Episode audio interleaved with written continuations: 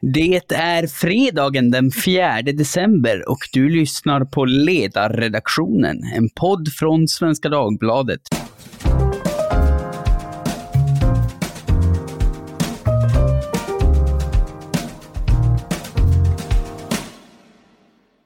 Jag heter Jesper Sandström och vi har samlats här idag för att ta farväl.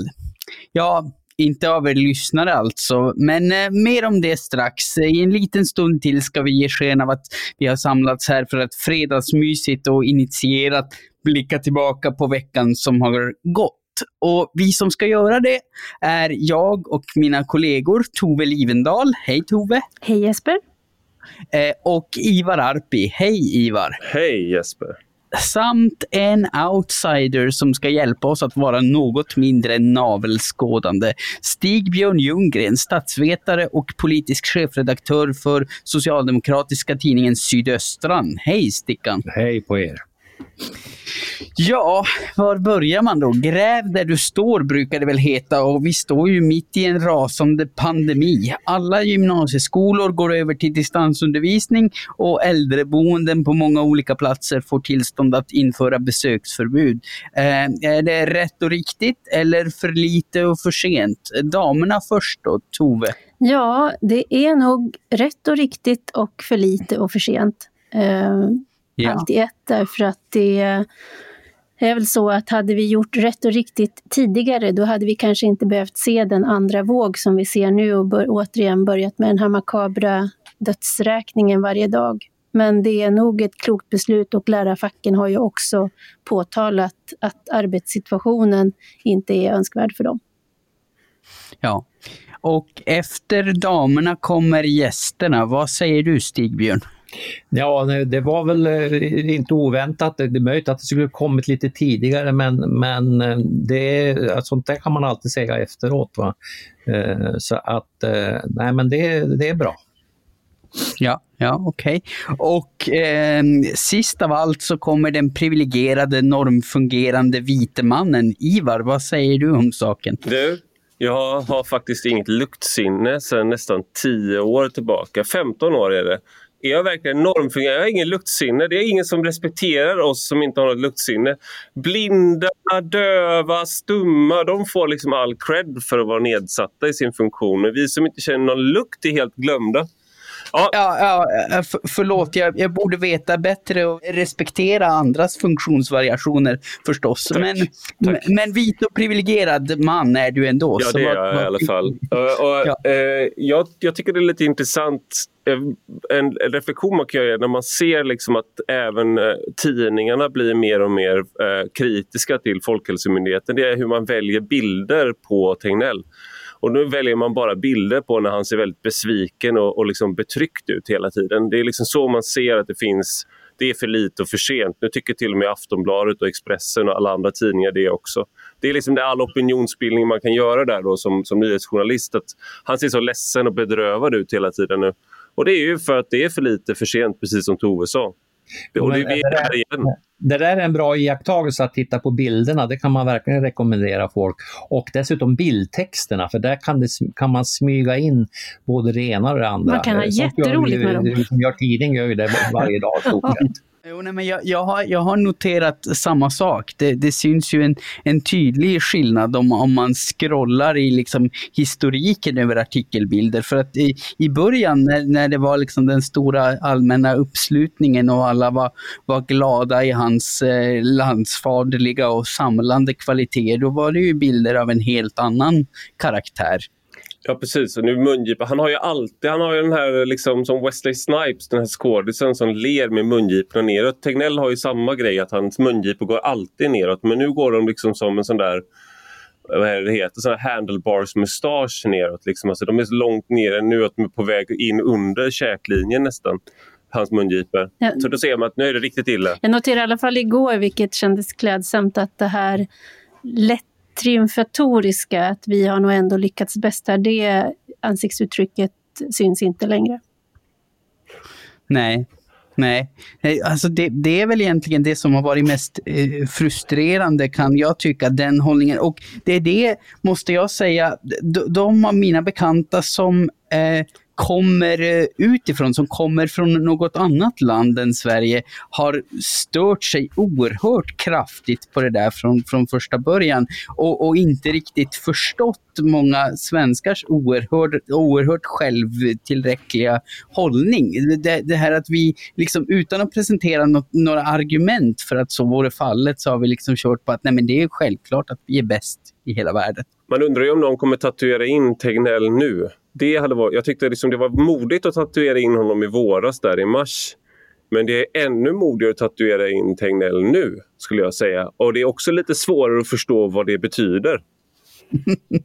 Vi får se. Inspirera inte någon Nej. till något dumt nu.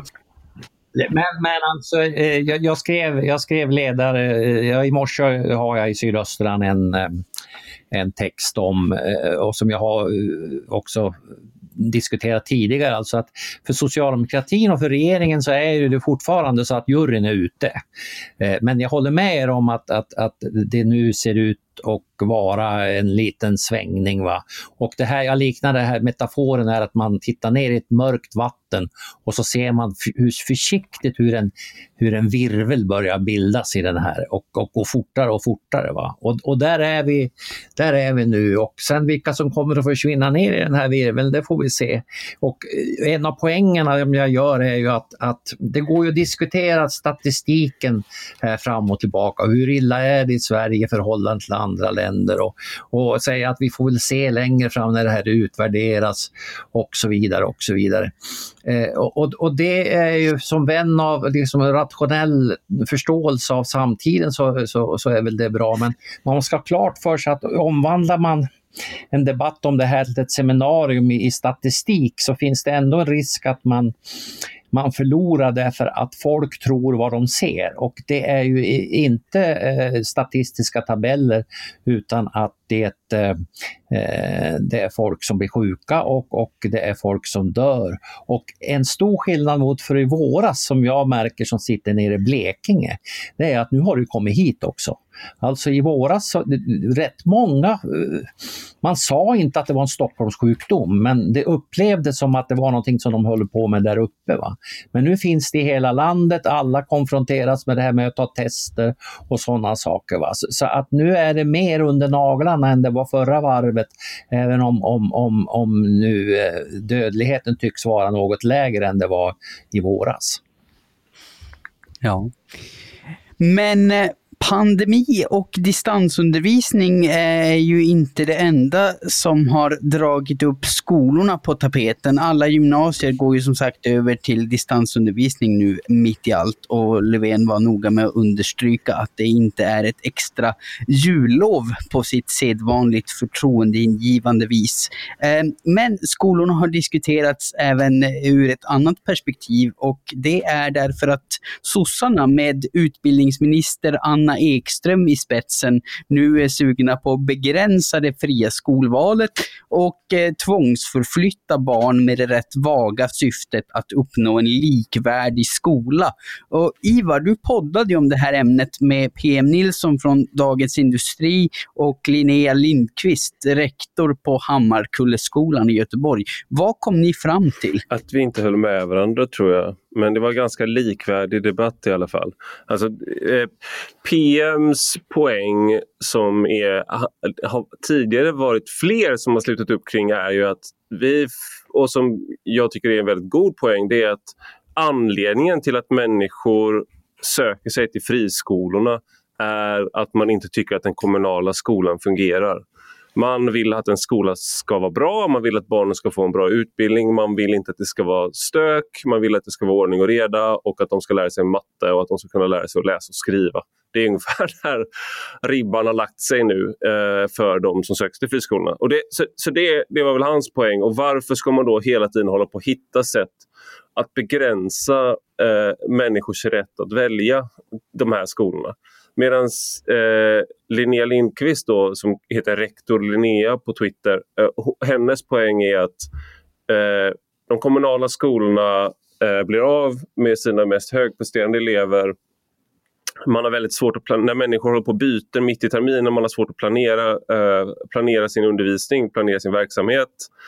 Eh, och det är en, på Hammarkullsskolan så tror jag det var fyra av eh, 300 elever som talade svenska hemma. Resten har andra språk hemifrån. Eh, och att det blir väldigt svårt att klara uppdraget då eh, för en sån skola. Och jag, jag tycker att båda perspektiven är, är goda men jag, jag har ju svårt att se, eh, som många andra, svårt att se att man kommer att acceptera, som Anna Ekström säger till exempel, att ja, men närhetsprincipen ska gälla men då gäller det att lägga skolan mellan eh, olika områden. Det vill säga, man ska bo nära men inte för nära och man ska ändå hålla på med någon sån här ingenjörskonst. Jag tror inte folk kommer acceptera det där. Um, ja, men det, men det är en, det är en svår, svår debatt, det är det. Ja. Ja, och vad, vad säger du Stickan? Är sossarna på rätt spår här eller har de klivit alldeles i galen tunna? Ja, de håller väl på och eh, kliver i galen tunna är jag rädd för. Alltså att, att man måste genomföra reformer på det här området är väl rätt tydligt va? med de här eh, problemen som har uppkommit med, med migration och, och med segregation och, och eh, så vidare. Så, så, det och hela, skol, hela utbildningssystemet eh, måste riktas in emot eh, mer så att säga, praktisk inriktning va? Eh, med, med yrkeskunskaper och annat.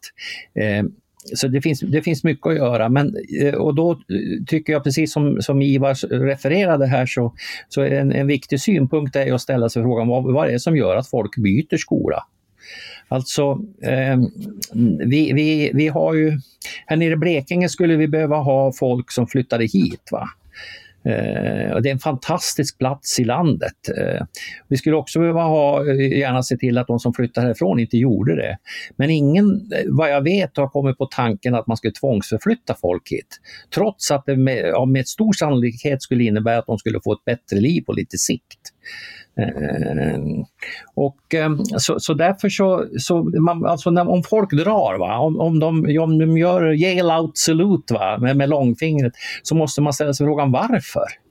Eh, och, och, då är det ju så att, att, det finns ju någonting med de här skolorna som, som eh, då är tillvalsskolor. Eh, och en av de saker som dyker upp då det är ju att det är liksom ordning och reda. Det vill man ha och en del säger ja, det är att man ger glädjebetyg och sånt där. Ja, men däremot vill man, man vill kanske att, att det uppväxande släktet ska få eh, studiero så de kan skaffa sig hyggliga betyg. Eh, så att eh, den där lär, lärprocessen tycker jag är tycker jag, det borde vara socialdemokratins credo. Va? Det är att se vad är det som fungerar och inte fungerar. Vi ändrar på det som inte fungerar eh, i riktning mot det som fungerar. Eh, en, sen en annan synpunkt som, som jag också oroas lite grann för och det är ju jag brukar ibland ironisera över att Socialdemokraterna säger inte barn om, om människobarn utan säger ungar. Och, och då vet vi ju alla eh, att, att ungar det är ju någonting som djuren har. Va? Och det finns ett, ett sånt synsätt som jag, det är inte socialdemokratiskt från början utan det är ju någonting man ärvt av den här svenska ämbetsmannastaten. Va? Att betrakta, eh, liksom från Gustav Vasas dagar, ehm, eh, betrakta folk som någon slags eh, byggnadsmaterial. Va? Som man kan använda på, på det ena eller andra sättet. Va? Alltså en befolkningsstock som man kan hyvla. Eh, och det här ställs ju på sin spets med de diskussionerna om så kallade kuddflickorna. Att det varenda jävla klass sitter liksom och, eh, Benke och Lasse och bråkar och då får man sätta Lisa mellan de två för att hon ska vara en buffert. Eh, och, och, jag har träffat på rätt många kuddflickor i mina dagar och eh, efter några år att, att vara den här typen av material va, så, så, så brukar de tröttna. Trots då att det finns bevis på att, att eh, säger då en del, att alla mår bra av att, att ha en blandning. Va? Eh, så, så tjänar alla på det på lång sikt. Men, men, de, de, men de som blir den här fyllnadsmassan, de, de delar oftast inte den uppfattningen. Nej, precis. Det är ju, det är ju det. Du pratar ju om det behovet av att fixa det som inte fungerar och lyfta fram det som funkar. Och det verkar ganska oklart i den här likvärdighetsutredningen hur man har tänkt sig att det faktiskt ska bli bättre. Man, man hänvisar lite diffust till att det ska bli bättre för alla, men, men är inte så klar, klar med hur det ska gå till och hur det går för dem som, som blir just fyllnadsmaterialet i det här bygget. Men Tove, hur, hur känner du inför allt det här? Hur jag känner? Oj, oj, det skulle kunna bli en lång podd, men det jag, det jag tänker är att jag kommer att tänka på det här nu när vi pratar om Socialdemokraterna här, så kommer jag att tänka på det här gamla citatet att skolan ska vara den spjutspets som formar den socialistiska människan. Det var väl Ingvar Carlsson som sa en gång, tror jag. Och jag tycker att den nuvarande diskussionen, dels så visar den ju hur svensk debatt så återkommande eh, liksom silar mygg och sväljer kameler, att man fokuserar, man gör till problem det som fungerar väl och det som är åtråvärt och som folk söker sig till. Och så, så struntar man i det andra. Det är det som blir problemet, att folk vill göra någonting annat. Och där, trots att vi i Aftonbladet för några år sedan fångade upp den här gamla Rör inte min kompis-kampanjen och gjorde om den till en Vi gillar olika-kampanj som svenskarna skulle sätta på, på kappan, så är det ju så att vi, vi har jättesvårt med olikheter och vad friskolorna har inneburit är ju två saker tycker jag. Det ena är att det har inneburit att bejaka olikhet, därför att i denna mångfald som har vuxit fram så har det också kommit till exempel resursskolor som har specialiserat sig på barn med särskilda behov, som inte har fungerat i den här ideologin med inkludering, som innebär att man till varje pris ska sitta kvar i klassrummet även om man inte fungerar där. Så det ena är att det har bejakat att folk är olika och eh, så här, gjort det möjligt för människor att, att klara skolgången trots att man inte är som alla andra eller som det stora flertalet. Eh, det andra är ju också att man har lyckats få in kapital i välfärden som kan både skapa innovation och Eh, ja, men alltså tillföra att, att du får inte bara en enda sektor som sitter och håller i detta utan att du också släpper in. Och det har ju varit om vi tittar på eh, både vården och äldrevården, eh, tandvården, mödravården. Du kan ju titta på alla möjliga eh, områden inom välfärden och se att det är klart att vi ska hitta sätt att göra det på det bästa sättet, eller att vi ska hitta sätt att, att använda den kraften på det bästa sättet och inte säga att usch och fy, ni får inte vara här och ni kan inte vara här och fungera som, som ni gör, utan det här är ju, tycker jag, här finns det väldigt många ideologiska skygglappar och det är klart att mina motståndare hävdar detsamma om mig, men eh, med erfarenhet både från kommunal skolor och friskolor som, som lärarassistent och vikarie så tycker jag att det är så givet att det som vi ser nu, det är väldigt skadligt om det här får, om det får genomslag, det vi ser nu. Att det liksom i förlängningen ligger ett stopp för att vi ska kunna ha privata aktörer i skolan. Det finns en, en grej man kan notera tycker jag och, och, och, och som jag också oroar mig för. Det är att, jag trillar ju själv in i den, eh, de flesta gör det i den här diskussionen, att man ställer kommunala skolor mot friskolor. Eh, alltså det är inte det som är problemet utan problemet är huruvida skolorna är en tillvalsskola eh, eller en frånvalsskola. Mm. Och problemet eh, blir ju värre då om frånvalsskolan inte Eh, få resurser, möjligheter, eh, initiativkraft för att liksom förändra sig. Va? Eh, alltså, eh, och, och, och, och, eh, alltså det jag försöker säga är ju att, att problemet är om skolorna är läraktiga eller inte. Eh, inte om de är privata eller offentliga. Och egentligen skulle, skulle man eh, ha ett credo här va, så är det egentligen att, att ta Vänsterpartiet. Jonas Sjöstedt skrev en, eh, vid något tillfälle en artikel, eller om det var ett tal han höll, där han sa ungefär så här att, att skolorna borde vara så bra eh, allihopa att man inte behöver, behöver välja bort dem. Och på något sätt så är det i all sin enkelhet eh, eh, bra konstaterande. Om skolorna är riktigt bra så kanske man, kanske man inte behöver välja bort. Och den möjligheten kan då finnas va? men, men eh, man behöver inte utnyttja den Man kan tycka att det är lite naivt kanske, men det är ungefär som man fortfarande ska vara ihop med, med den här som man träffade på i nionde klass, va? därför att alla är lika bra. Så är det ju inte eh, riktigt. Nej, och man, man kan väl också argumentera för att om man tar bort möjligheten att välja så tar, tar man också bort möjligheten att välja bättre alternativ och skapa en utveckling i, i riktning mot bättre Ja, precis. Då tar man bort det här eh, omvandlingstrycket va, som är så, och som vi exempelvis bejakar när det gäller demokratin. Man är ett skäl till att de partierna, politikerna, makthavarna i den sfären håller sig på tå det är ju det, det faktum att de blir för fan bortröstade om de inte sköter sig, vilket uh, något parti här uh, just har en känning av. Va? Uh, eller ja, marknadsmekanism. Och det finns liksom ett, ett skäl till att, jag, jag har gjort jämförelsen med alltså, tre framgångsrika aktörer de senaste hundra åren. För det första är så Socialdemokraterna varit rätt framgångsrika politiskt. Vad beror det på? Beror det på att de har lurat folk, hjärntvättat dem, eh, att folk är dumma i skallen? Ja, det finns de som hävdar det, men jag skulle säga att i huvudsak kan man säga att socialdemokratins framgångar bygger på att de har gjort ett rätt bra fotarbete med att bygga landet. Det andra exemplet jag brukar ta det är IKEA. Alltså, de motarbetade man ju oerhört från början. Va? Eh, de liksom, ja, inte politikerna utan andra kapitalister som inte ville ha den här jävla Kamprads eh, spånplattor. Va? Eh, hur gick det? Ja, det gick rätt, gick rätt bra för Kamprad ändå va? på global nivå. Vad beror det på? Beror det på att folk är dumma i huvudet som inte vill ha riktiga möbler? Nej, jag tror att det beror i huvudsak på att IKEA är, eh, har, rätt, har rätt bra eh, program. Och för det andra då naturligtvis eh, de skolor som är tillvalsskolor, exempelvis Engelska skolan. Det finns ett skäl till att folk så söker, söker sig dit. Och som inte, det kan inte bara vara att folk är dumma i huvudet, va? för då faller ju socialdemokratin och IKEA och, och tillvalsskolorna va? Som, som käglor om man har det synsättet. Ja. Ja, nej, men så är det ju. Och jag tycker också det är intressant att se i nyhetsbevakningen att den här strävan mot en mer likvärdig skola, där framställs det som rätt okontroversiellt att flytta elever mot deras vilja.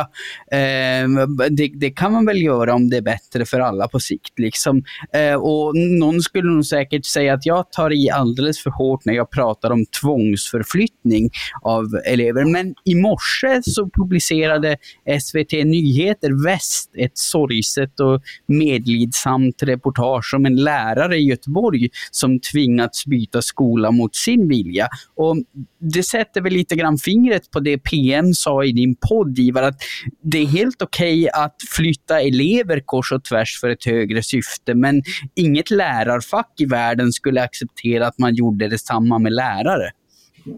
Det... Nej, men nu kom det precis en eh, nyhet om att eh, förskollärare i alla fall skulle flyttas inom Göteborg eh, mot, mot, sin vilja. Ja, precis. Det var det det rörde, den här artikeln. Och det tycker jag är helt riktigt. Va? Om man har den här idén om kuddflickor och, och elever som byggnadsmaterial så är det ju, det är ju för fan lärarna man ska börja med att flytta på. Av det enkla skälet att de flesta, och jag tror det finns eh, dessutom fakta på detta, det är inte bara anekdotiskt, men de flesta man träffar på som har liksom fått en, en avgörande eh, impuls i livet va, i, i, positiv riktning hänvisar till att de hade en jävligt bra lärare. Läraren är ju det centrala.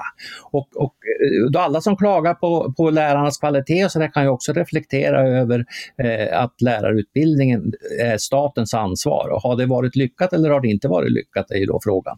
Men Eh, så, så, så flytta då elever och flytta lärare, får vi se hur det går. Ja, det kanske där fokus borde ligga. Den som lever får se så att säga. Men, men nog om veckans händelser i den yttre världen. Nu ska vi ta och blicka inåt för en stund och återknyta till min begravningsmässiga inledning.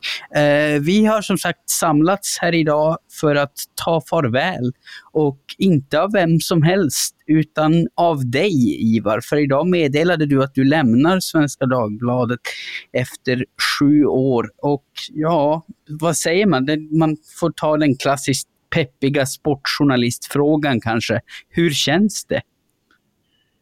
Väldigt vemodigt. När jag spelar in det här, vi sitter ju inte längre, sedan i mars så sitter vi inte längre i en studio tillsammans och spelar in utan vi sitter ju på varsin kant. Men just idag så är jag ju på plats på kontoret där, som är väldigt folktomt. Så jag är ju där, jag, där vi satt tills eh, 10 mars. Eh, så det känns väldigt vemodigt. Eh, och jag fick mitt första vikariat eh, 2013. Eh, då var det PJ Anders Linder som var politisk chefredaktör och sen så fick jag chansen till mitt livs första tillsvidareanställning 2015 som Tove gav mig. Eh, och Eh, så här, det har jag inte ångrat att jag tackade ja till en enda gång skulle jag säga. Sen har jag försvunnit i ganska många vändor för jag har lyckats skaffa tre, inte jag själv bara, men eh, tre barn eh, har jag fått eh, och skrivit två böcker under den här tiden. Så att jag har varit väldigt jobbig att ha som anställd för jag har försvunnit bort mycket.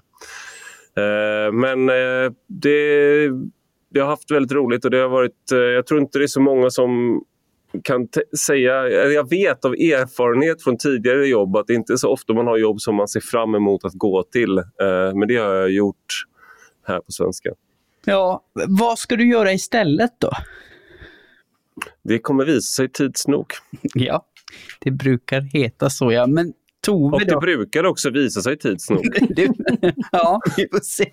Eh, men Tove, du som har chefat över den eh, vältalige men bångstyrige kar i drygt sju år, hur känner du idag då? Ja, men det är ju en enorm lättnad. Nej. ja, jag, usch, jag man, man, man, får, man får välja läge. Antingen får man skämta, överdriva, låtsas arg, eller också, bara för att dölja att det är jättevemodigt också. På min kant eh, såklart. Det var, eh, tycker jag, en given fråga att ställa till IVA 2015 och jag har inte ångrat mig en dag. Sen har vi haft dagar som har varit rätt stormiga. Det är ju inte liksom en eh, en person som går obemärkt förbi debatten, utan Ivar har ju skapat jättemycket diskussion och debatter och kontroverser. Och eh, jag tycker att det har varit eh, väldigt välgörande för den svenska debatten att Ivar har kunnat göra det. Eh, men eh, så vi har ju skämtat om det också, att när, har, när han har då varit hemma och varit föräldraledig eller skrivit böcker så har vi haft ett andrum i svensk debatt. som, där alla har kunnat pusta ut och sen har det ändå varit med liv och lust som man har känt att nu är Ivar Arpi tillbaka i debatten igen. Ja. Så att, ja, det är svårt att sammanfatta för att man blir ju också, när man är så få på redaktionen så blir man ju liksom en enda, förhoppningsvis funktionell familj eh, och eh, det kommer att bli ett stort tomrum. Jag har också lärt mig maximen Skriv först, twittra sen. det, det, är Lärt, mycket viktigt. hört, men inte alltid förstått. Nej, det är så, någonting man behöver, behöver, behöver sätta upp på väggen. Med, och, och, men jag behöver också läsa det om och om igen, tror jag. ja. Och Stickan då, vad rör sig i ditt huvud när du får höra det här? Ja, eh, att han är så ung och fått så många jobb, böcker skrivna. Alltså, du är född någon gång på 80-talet, va? eller något sånt? Eh, ja, precis. 82 är jag född. Ja, Ja, det är styvt jobbat. Eh, nej, men ett alternativ är ju naturligtvis att, att vara inte vara anställd utan leva bara på pennan. Va? Eh, jag tror inte att det är det alternativet du har utan det är väl något, något, något, något fast. Och klart med tre barn och delförsörja så, så kan det vara klokt. Sen är det som eh, jag gillar med, med eh, Ivar är ju att han eh, oftast är rätt påläst och, och har fakta på fötterna. Alltså, ha hans ståndpunkter kan, kan vem som helst inta, men det ska ju också vara vara på fötterna. Va? Och den här boken han har varit med och skrivit nu, Genusdoktrinen, är väl ett bra, bra exempel på det. Även om man inte delar liksom all, eh, analysen så är det, är det fakta. Va? Det tror jag är bra. Eh, och sen tror jag eh, eh, något annat som eh, tror jag är bra här är också att det är inte helt förutsägbart. Och jag tror, jag, jag har något svagt minne av att du också, precis som jag, har haft eh, eh böjelser åt det, det Eh, Eh, det till och med kommunistiska hållet en gång i tiden. Ja, det, det är ett tag sedan men äh, jag, jag, jag, kommer inte från politiken till ledarskriveriet. Äh, så att jag har ingen... Äh, jag har, det, det, var inte helt självklart för mig all, alltid var jag skulle hamna. Nej, nej men jag, jag, tror att det där är viktigt och sen att man är från Göteborg gör också att man alltid känner sig lite utanför. Va? Och, och ha, en, ha, en, ha en analysapparat som, som, som alltså det, det, finns vissa fördelar med den, den tankekretsen. Inte när den blir kvar där den, där den är utan när den flyttar på sig så tror jag att den kan ha Det är en typ av korsbefruktning som, som man har, har, har nytta av och kommer att ha nytta av framöver också. Ja. Think out of the box så att säga. ja, och eh, själv så är jag ju mer än lovligt ledsen förstås. Nu, nu har jag ju inte fått umgås med dig fullt så länge som Tove har, men jag kommer liksom andra läsare och lyssnare att sakna dig en hel del. Det har varit tryggt att ha din axel att luta sig mot under morgonmötena. Det har känts mindre ensamt i och med att vi stundtals är ungefär lika arga och dessutom har ungefär lika dålig humor så att vi kan hålla varandra sällskap när Tove himlar med ögonen. Ja, jämnt skägg skulle jag säga. Precis. Tove har ganska usel humor också det, är ömsesidigt. Men, men du, du kommer att vara i ljust minne bevarad, som man brukar säga i dessa sorgens ögonblick. Och, Vila i frid. precis, ja, det, det vet Gå vi väl att, att, du inte kommer att göra. Gå i frid, kanske. Gå i frid. Mm, precis, du som kan. Um, men ja, för att, för, för att då åter veva upp fredagsstämningen så avrundar vi med den obligatoriska fredagsfrågan. Vad ska ni hitta på i helgen? Är det något ni kan rekommendera eller för den delen avråda lyssnarna från att göra? Eh, Tove? Ja, jag avråder från att eh, ordna stora kalas. Eh, jag ska åka till landet och det blir väl eh, lite adventsmys. Jag tror att det blir det årliga pepparkaksbaket som stundar i helgen. Och det kan man absolut rekommendera andra att göra också. Ja, det låter ju gemytligt. Och Stickan? Ja, jag tar ju då naturligtvis statens rekommendationer på allvar och befinner mig helt ensam i ett Blekingetorp ute på Korsanäs och inte ens hund får vara med. Oj. Och jag ska vara själv hela helgen. Jag ska äta, äta eh, grönt för att rädda planeten och jag ska slutföra en sedan länge utlovad liten skrift om hur man ska göra för att kunna höja skatten. Oj. utan att råka ut för problem. Kan du inte baka pepparkakor istället? Detta, denna skrift kommer alla kunna lära sig av, vare sig man vill sänka skatten eller höja skatten. Jaha, mm. men det låter ju, låter ju lovande i alla fall.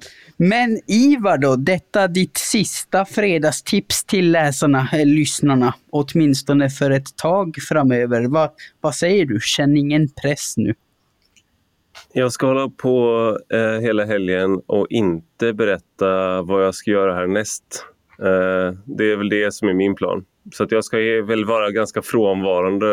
Eh, lite grann. Nej, men jag, skämt åsido så, eh, så är det ju eh, vet du, advent och allt sånt där. Så vi håller på och bakar med barnen ganska mycket. Och så där. så det är, som vanligt, så har jag, om det är någon som är ute efter något roligt att göra får ni inte, komma, får ni inte lyssna på mig. Men jag, om man vill ha ett recept på mjuk pepparkaka så kan jag tipsa. Ja, eh, det, det vill jag starkt avråda från. Jag, jag avskyr mjuk pepparkaka. Men, men, men min, min sambo gör en som ska vara väldigt god. Och vi, vi har ju en matblogg som heter Goda godastmat.se så där får ni kanske titta efter den om den dyker upp här i jultid. Eh, själv så återvänder jag ju i år lite mer permanent hem till Norrbotten efter några år av irrfärder på västkusten och jag trodde att det skulle bjuda på en vit jul men världen ville väl inte chocka mig i onödan så istället har vi fått klassiskt Göteborgsväder. Regn och nollgradigt och kompakt grådassighet. Så ska väl försöka göra det bästa även av det. Läsa en bok, skriva på en bok och slå på mina trummor i vanlig ordning. Och jag brukar ju tipsa om någon kulturupplevelse och får väl dagen till ära göra avsteg från den annars så muntra hårdrocken. Så jag tipsar istället om Henry Purcell, den engelske barockkompositören och hans outsägligt deppiga stycke Music for the Funeral of Queen Mary som kom att spelas på hans egen begravning bara några månader efter att han hade skrivit klart det. Och mest känd för en nutida publik blev väl den som intromusik till den grymma framtidsdystopin A Clockwork Orange. Men intressant kuriosa ur ett politiskt perspektiv är att SVT valde samma låt som vignett till en dokumentärserie om Carl Bildt. Och det kan man väl tolka lite som man vill. Eh, nåväl, Eh, med det så säger vi stort tack till dagens panel. Stig-Björn Ljunggren från Socialdemokratiska Sydöstran samt Tove Livendal och Ivar Arpi som ännu åtminstone tillhör denna illustra ledarredaktion. Tack också till alla er som har lyssnat. Frågor, synpunkter, förslag och mothugg får ni gärna mejla till ledarsidan svd.se. Ni får också jättegärna lämna betyg och recensioner på Apple Podcasts, det som inte för så länge sedan hette iTunes, så att fler kan hitta till podden. Eh, och producent, det är ju jag, Jesper Sandström, så det är mig ni ska skälla på om det låter illa någon gång. Håll i, håll ut och håll avstånd. Snart kommer vaccinet och det vore väl onödigt att snubbla på mållinjen. Trevlig helg på er och hej då!